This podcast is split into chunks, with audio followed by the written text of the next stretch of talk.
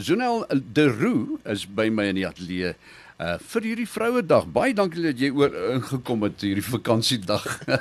Dis 'n groot plesier. Dankie dat jy my het. Dit is wonderlik om jou hier te hê. Uh Zonel uh, is die die huidige prinsipaal van St Pieters Privaat Skool en uh, sy is nou van die begin Junie nê. Begin Junie ja, is jy begin Junie so aan. Ja. Een van die voorste onafhanklike voorbereidingsskole in die Laagveld St Pieters, as jy nog gehoor het van St Pieters nie. Nou ja, welkom eh,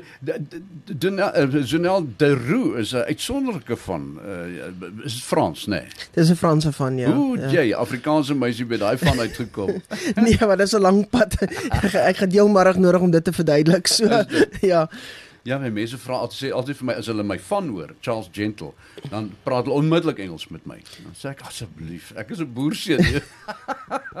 ja, nee, ek ken dit. Jy is 'n Afrikaanse vrou uit die uit die Vrystaat uit. Hoe het jy hier beland? Um, I'm going to answer in English. Ja, um, yes, I've, um, I'm born and bred in the Free State. Um, coming, born in Bloemfontein, school day, university day, and then um, my journey of my career started um, in a small town in Kroonstad. I also worked um, in ECD in Viljoenskroon, where I worked in the townships, training women to become ECD practitioners. Many women who had very little or uh, no education, giving them a level one qualification in ECD. So I worked in the middle of the townships with that, and then for the last 13 years, I was uh, the head of an independent Catholic school in Kroonstad, uh, which is a combined school from grade 3 to 12. So, yes, um, yeah. all the years in the Free State, and now I've become a Lowvelder. So, I'm quite, I'm quite proud of that. So, how long have you been now a teacher in the teaching business? Well, my experience in education is over 24 years. So, but in formal, educa- in formal education, in school education, it's about 15 years now, yes. You look like a person with a vision. Tell us your vision for St. Peter's. Yes, I, I am. Um, I'm very passionate about education. It's very close to my heart, and I always say when people people think that in independent education there's money, there's no money in independent education. We are there also because we're passionate about education.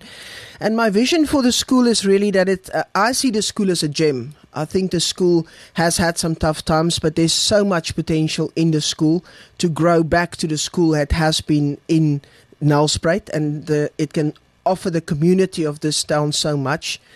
I believe in making our young people, giving them the, the potential that is in them and sparking that potential. Each one of us is a unique gift from God, and I see a child as a unique gift from God. Mm. And I believe in our community today, hope is something we all need. It is something that we all feel that when we wake up in the mornings, we need we need to have hope for the day that's ahead of us. And I truly believe that St. Peter's can become a school of excellence, and it beca- can become a lighthouse of hope in Nelspruit. Because if I have to to repeat the words of of Desmond Tutu, he said. Um, hope is, is wonderful. Hope is far more than just mere optimism. It is as a cosmic value, and hope is rooted in faith with feet marred in suffering.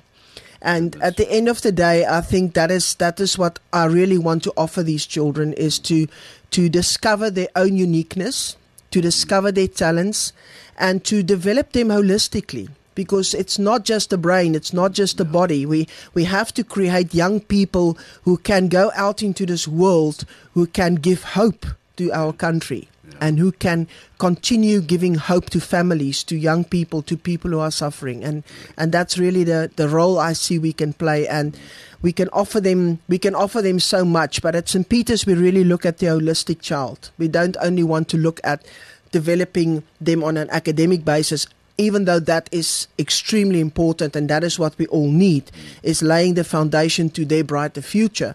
But at the end of the day, it is really making sure that we develop the child as a full human being who can go out into the world making a difference. How do you see your leadership technique? How do you see it? I I aspire to be a servant leader.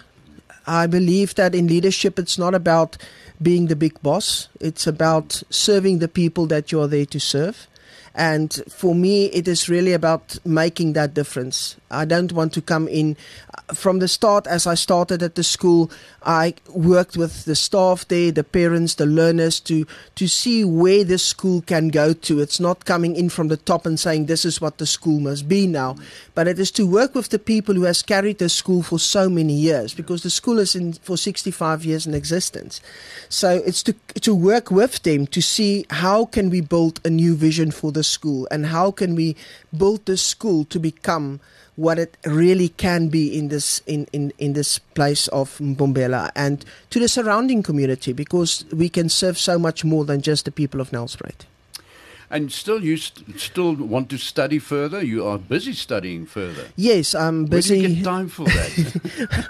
on on public holidays like today, that's when you try to to get a bit of work in or over a weekend. Yes, I'm busy with my masters in philosophy, uh, focusing on education and culture.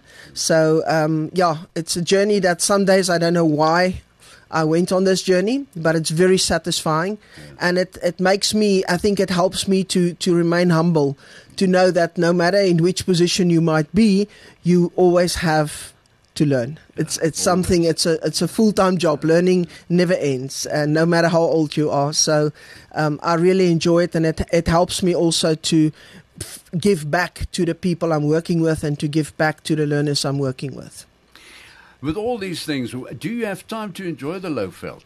Yes, a little bit. Uh, I'm still get, finding my feet in the Lowveld, and I think I, I came I came in running. I arrived on the 31st of May, and I started working on the 1st of June in the school. So there was no time to actually Yeah. to rest. But for now, um, I'm getting to know the place, and I'm really enjoying it. It's it's a very much of a city with a small town small town vibe which I really like. I thought only the pre Free State people are warm and welcoming, but I came to the Lowveld and realized they are actually just as warm and welcoming, which is, is very nice. So I'm really enjoying, and I'm re- enjoying the sightseeing, um, the hills. It, it just it feels like once on holiday. Yeah, no, that's true.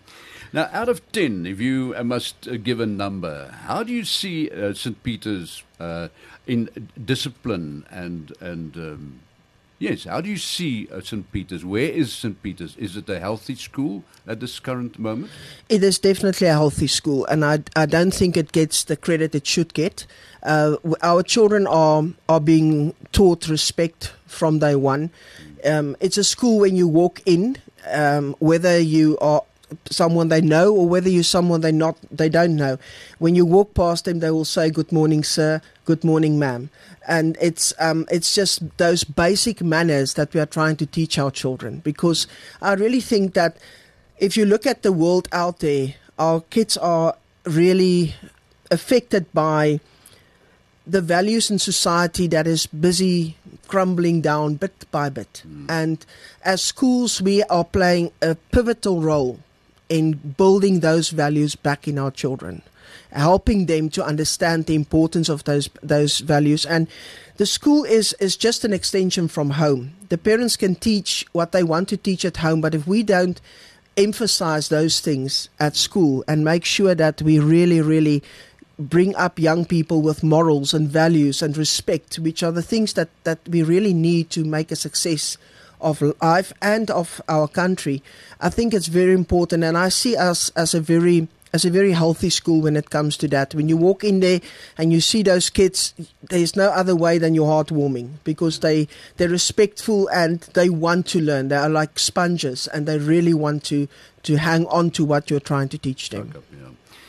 Talk about the parents. Uh, it's a private school. Uh, Are they very involved into in the in the in, in the school itself? The parents. I think private um, parent involvement is a challenge in all schools, not only whether it's a public or a private school. I think it's a challenge everywhere, and it is about making sure that you that you provide opportunities for the parents to become more involved. So I definitely see scope for for improvement in parent involvement.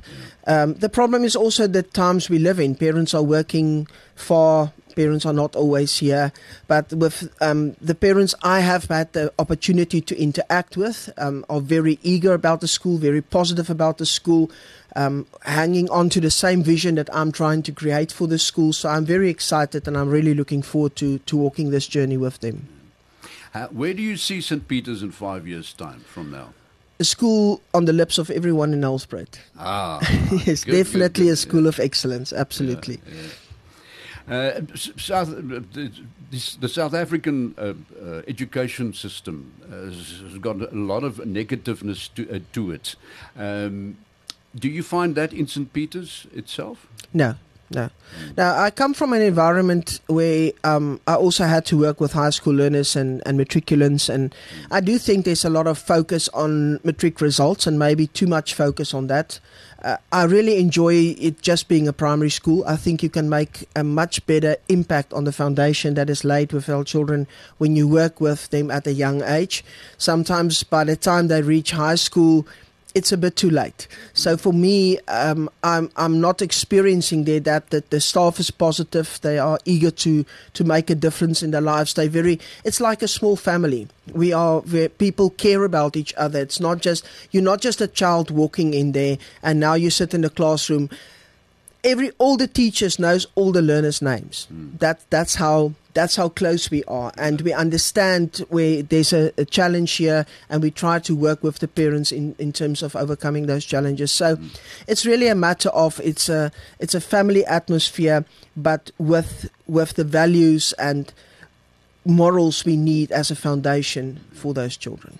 Do they have time to participate in sports? Yes, yes, we're um, participating in hockey um, at the moment. This is the, the term for hockey. Uh, we've played two games already this term and we did quite well.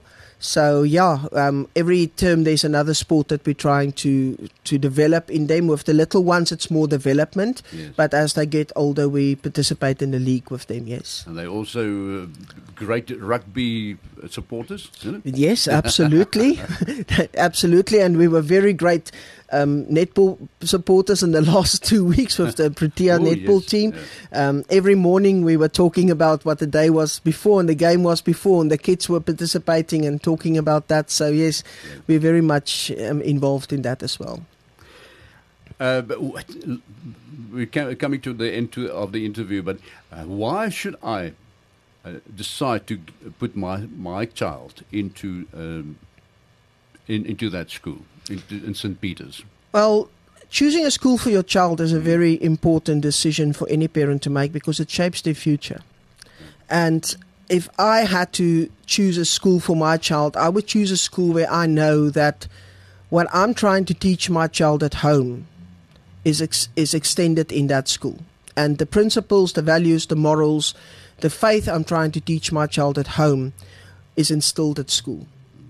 And for me, it's a matter of where will my go- will my child go to a place where he or she is a number, or will my child go to a place where he or she has a name, mm. and where that name is is respected and valued, and we are looking at you as a unique being and as a unique gift from God, and that is what that's why I would choose St. Peter's because that's what we're trying to do there, is to create young people who can face our world of diversity in a manner which is with um, positivity, with respect, with morals, with values, and who really has the potential to to explode out there into wonderful young people. Great answer. Sonel de Roux, baie dankie vir jou eerlike antwoorde. Ek waardeer dit. En Ons wens al julle alle voorspoed toe daar by St. Pieters. En uh, nou ja, uh, mag die skool groei van krag tot krag. Baie dankie. En dankie Baie dat jy dankie. jou tyd afgestaan het op hierdie vakansiedag, Vrouedag. Vrouedag. Dit is dit is my eintlik 'n wonderlike dag om die geleentheid te hê want ehm um, dis die dag waarop ons ons vrouens se se se sterk en wonderlike ehm um, hoe kan ek sê ehm um, flamboyance kan ons vier Flamboyant, op ja, op ja. op Vrouedag ja. ja. Wonderlik. Baie Goed. dankie de Baie dankie. Voorreg gewees. Dis- aan Janelle De Roux, dis die nuwe prinsipaal van St Pieters Privaat Skool hier in Bombella. Baie dankie dat jy tyd gemaak het vir ons, hoor. Baie dankie.